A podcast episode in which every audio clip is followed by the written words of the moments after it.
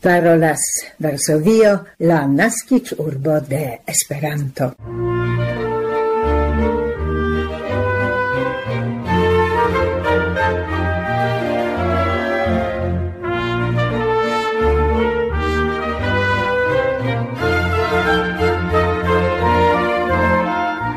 Coran saluton, gesignoroi, la decan de novembro 2023 en la 1282 Esperanto el sendo de la Pola Retradio.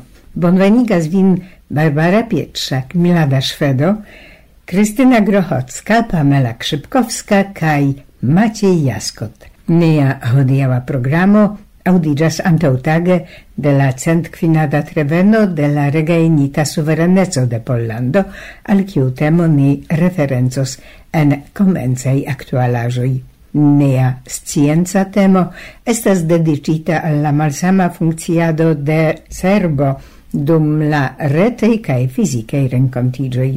Post dec kelk semaina pauso, ni de nove proponas rencontigi cun la romano Quo Vadis de Henrik Sienkiewicz cae gia esperanto traduco de Lidia Zamenhof. Comence bonvolu ausculti actualajoin.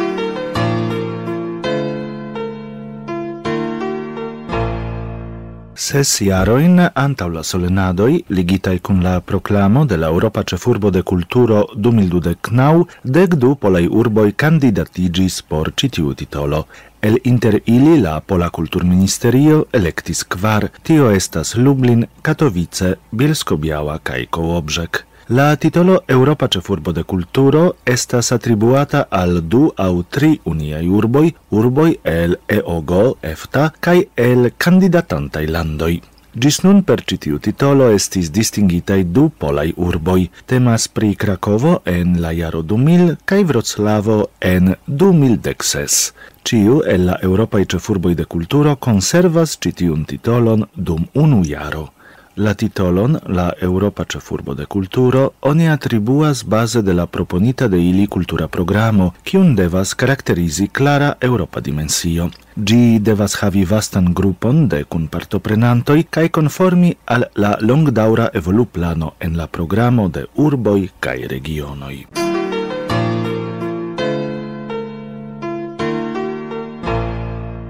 Morgau la dec unuan de novembro 2023 en la tuta lando ocaso solenajoi ligitai cun la centquina datreveno de la regainita suverenezzo en 1910. Antautage la decan de novembro, je la dec unua horo dec unu minutoi, jam la sesan foion ocasis campanio alvocanta individuoin cae unuopain medioin comune canti la polan nazian himnon Dombrovski Mazurkon. Por la dec unua de novembro estas planitai en la tuta lando por ocasai manifestacioi, paradoi cae concertoi. Rician por ocasan programon pretigis Varsovio. La cefa evento en la pola cef urbo estas la tradizia marcio de sendependezo, por kiu venas ne sole varsovianoi, sed partoprenantoi el la tuta lando.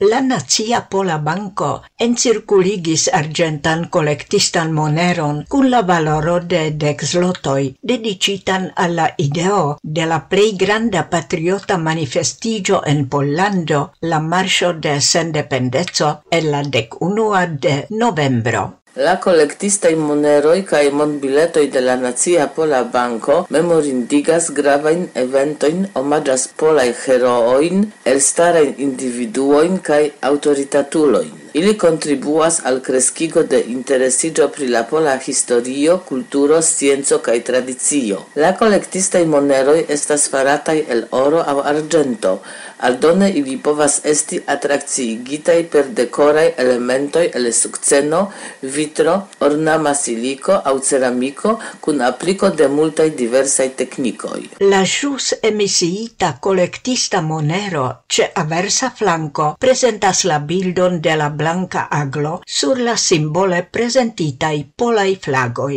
Ce la reverso, kiel la cef motivo, videbligas flagoi cae la blancrugia rubando. Ce la supro legeblas la vortoi marcio de sendependezzo, temas pri cicla evento ocasanta la dec unuan de novembro en Varsovio, tutlanda solenajo, omagianta homoin cae eventoin kiui en 1910 alconducis alla regainita suverenezzo de Pollando. Cun la fluo de la tempo, la marcio de sendependezzo transformigis en la plei grandan patriotan manifestigion en Pollando, kiu tradizie juas pli ol cent milan frequentezon.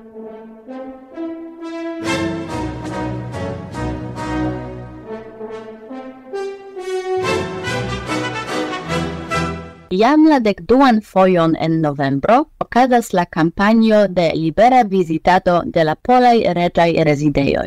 Kadre de gi, li disponigas al la publiko signifan parton de siaj kolektoj kaj vizitadon de daurantaj en ili konstantaj kaj por okazaj ekspozicioj, parto prenon en specialaj programoj, kiujn tiu okaze ili organizis.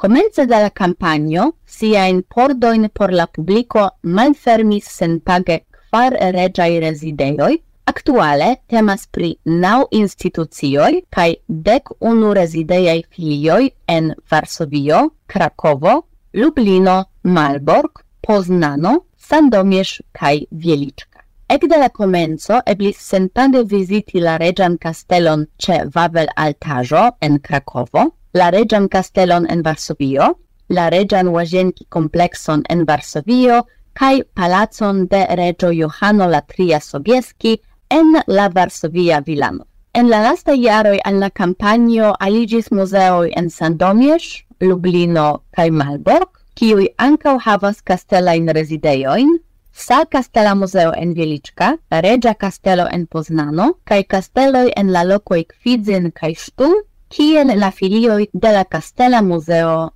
en Malbor.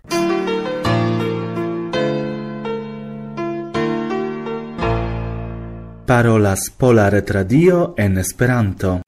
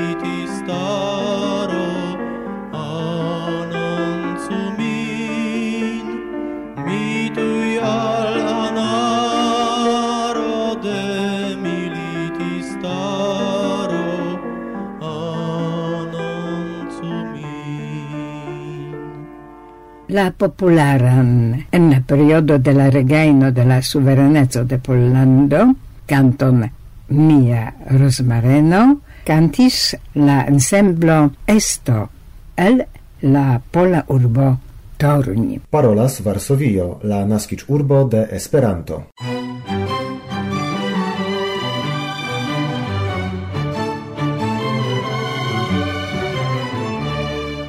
virtualei rencontingioi, videoconferenzoi, distanza reta laboro estis nia realo en la pandemiei condicioi.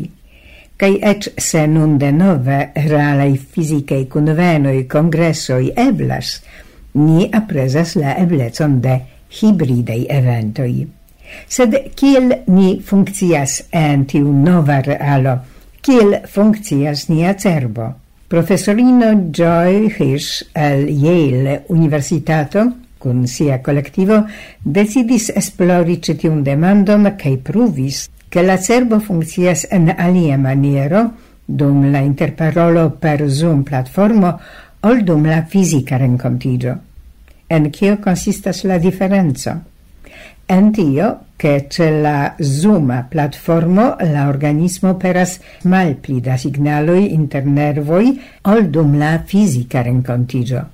Tio signifas che l'activezzo de cerbo de personoi gvidantei classican interparolon estas alia ol ciam oni usas divers specain retain platformoin. Plimulto de pli fruei esploroi helpe de instrumentoi monitorantei la cerbo activezon concernis individuoin, unuopain personoin. La colectivo de professorino Hirsch applicis pli progressintan technologion de la neurobildigado, kiu ebligis en reala tempo mesuri la interagoin inter du personoi en fizikei condicioi. Oni constatis che la homa cerbo estas precize accordigita alla aifarado de e mimicai indicoi, kio estas la cefa fonto de la socie informoi, dum la vid al vida fisica interparolo. Por la bezonoj de la esploro, la kolektivo de profesorino Hirsch registris reagoin de neuronai sistemoi ce du personoi fizike interparolantei cae ce du personoi parolantei helpe de la videokonferenca platformo. Tiu estas Zoom. Sciencistoi malcovris che la forto de la neuronai signaloi dramece malcrescis dum interparolo per Zoom, compare al interparolo en fisica contacto. En ci lasta interparolantoi pli longe rigardis reciproca siein visagioin, cae iliei pupiloi vaste malfermigiadis. Oni ancau constatis ce ini grandigitan activacion de la cerbo ondoi, cio signifas stimulon de iliei cerboi. Laus sciencistoi tio signifas che du personoi recte interparolantei en condicioi de fisica contacto peras pli da sociei signalui.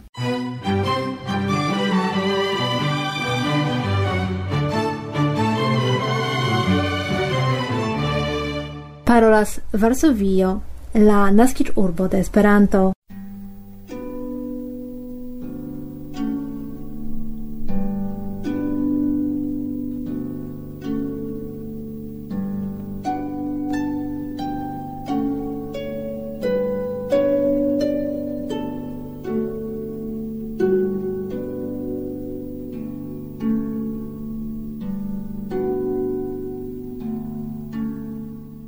Vadis de Henrik Sienkiewicz en la Esperanto traduco de Lidia Zamenhof.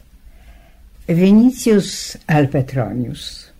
Ne estias ancau citie, carissime, che ocasas en Romo, che cion ni nestias, tion fin diras al ni viei leteroj.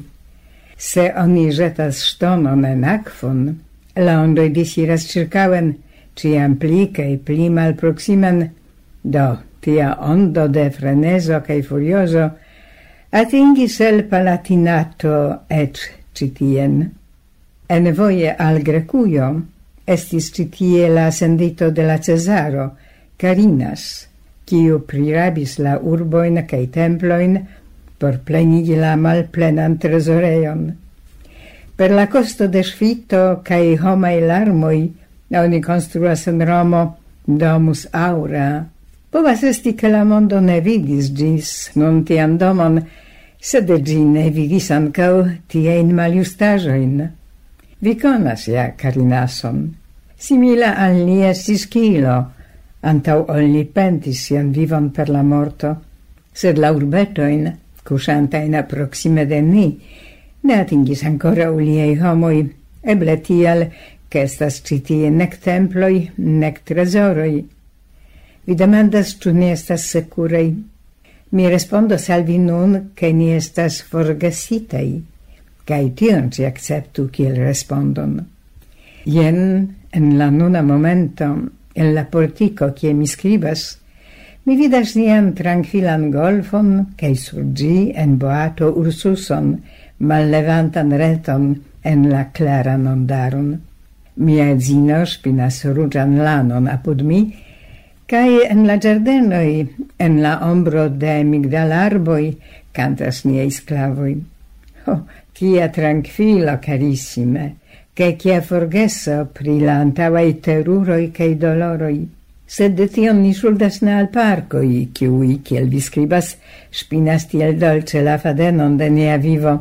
Tio estas la benon de Cristo, nia amata Dio cae Savinto.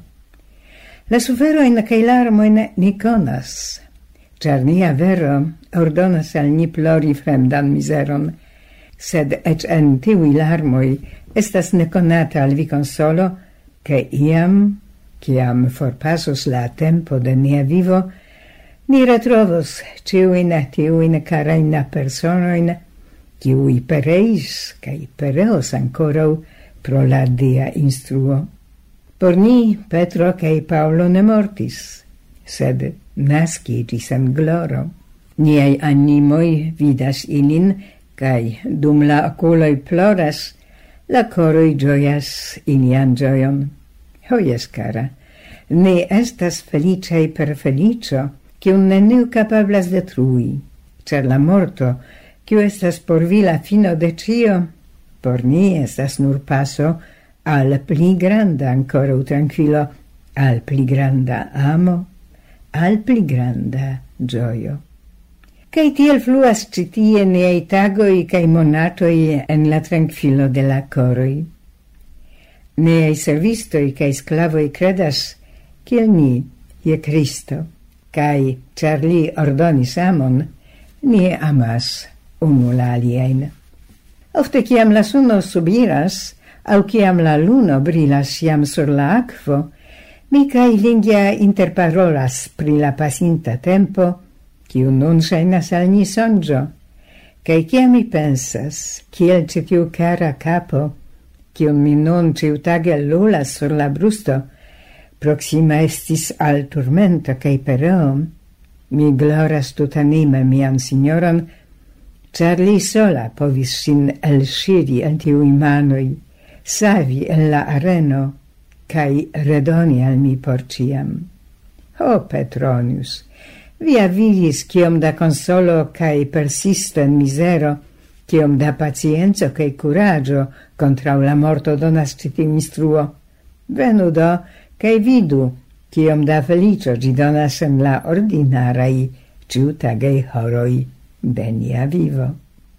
Vidu, la homoi ne conis gis nun Dion, kiun ili povus ami. Tial do ili ne amis unu alian, et tio estis la fonto de ilia misero. Char, kiel lumo el la suno, tiel la felicio venas el amo. Ne instruis al ili citiun veron leĝdonantoj nek filosofoi, Kaj gi estas nec en Grekujo, nek en Romo. cae se mi diras nek en Romo, gi signifas nec sur la tuta tero. La seca cae malvarma instruo de la stoicoi, kiu altiras virtuloin, hardas la coroin, ciel glavoin, sed pli giuste indiferentigas ilin anstatau bonigi. Sed por cio mi diras tion al vi, qui studis pli multe cae comprenas pli multe ol mi. Vi ancau iaconis Paulon el Tarso, cae ofte vi longe parolis cun li, do vi sias pli bone, ciu contra ucitiu vero, cium li proclamis, cium instrui de viei filosofoi cae retoroi nestas ciel per e sab vesicoi, cae ciel vanei sonoi sen signifo.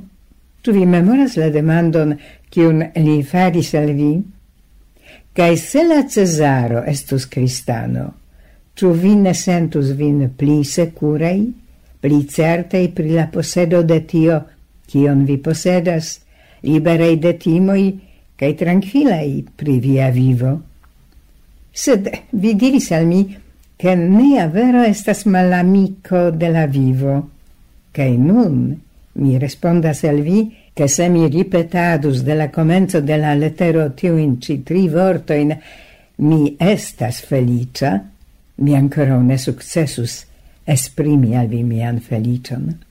Vi diros al mi tio che mia felicio estas en Ligia. Yes, cara. Tiel che mi amas sian sen mortan animon, cae che ni amas unula alian en Cristo.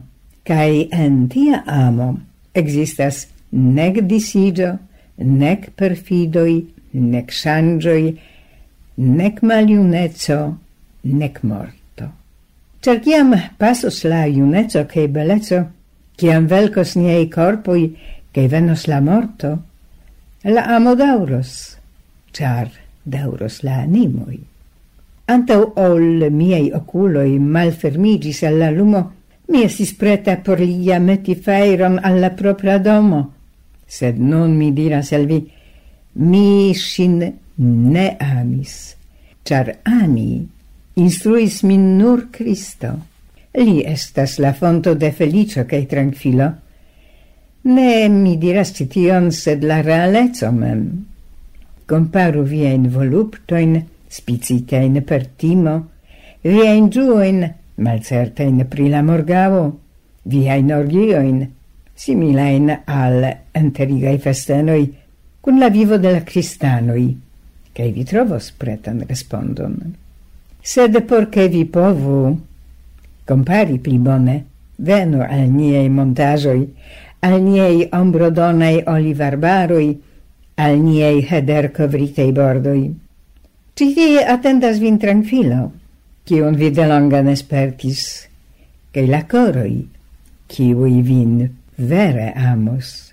Vi, havante animon noblan kai bonan, devus esti felice Via penetrema intellecto scios ekkoni la veron, kai kiam vi ĝin conos vi ĝin camos cer ogni povas eble esti gia malamico kiel la cesaro kai Tigelinus, sed esti al indiferenta sci povas neniu.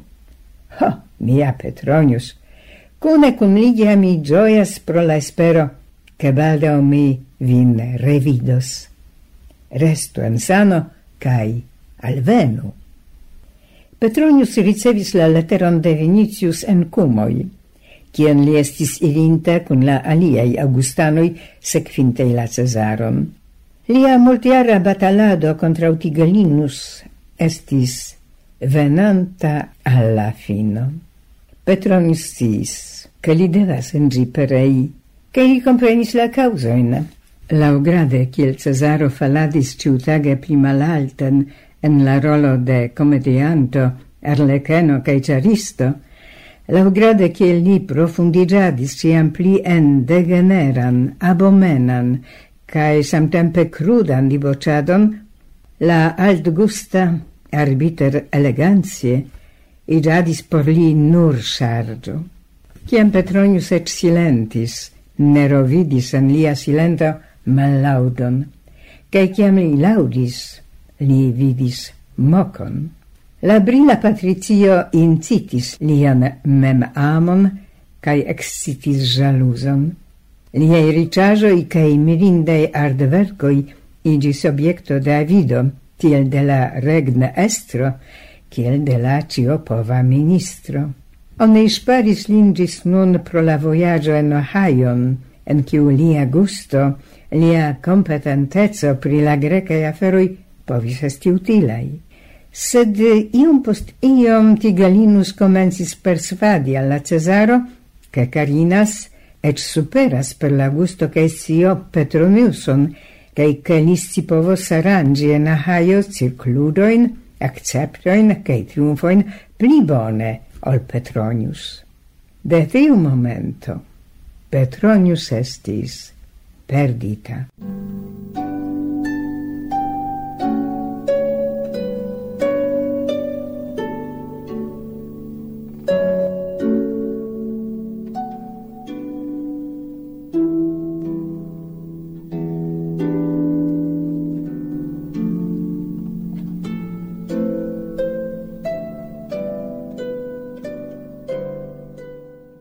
per la cent quardeca fragmento de la romano Quo Vadis de Henrik Sienkiewicz en la traduco de Lidia Zamenhof finiras nia 1282 Esperanto elsendo el Varsovio.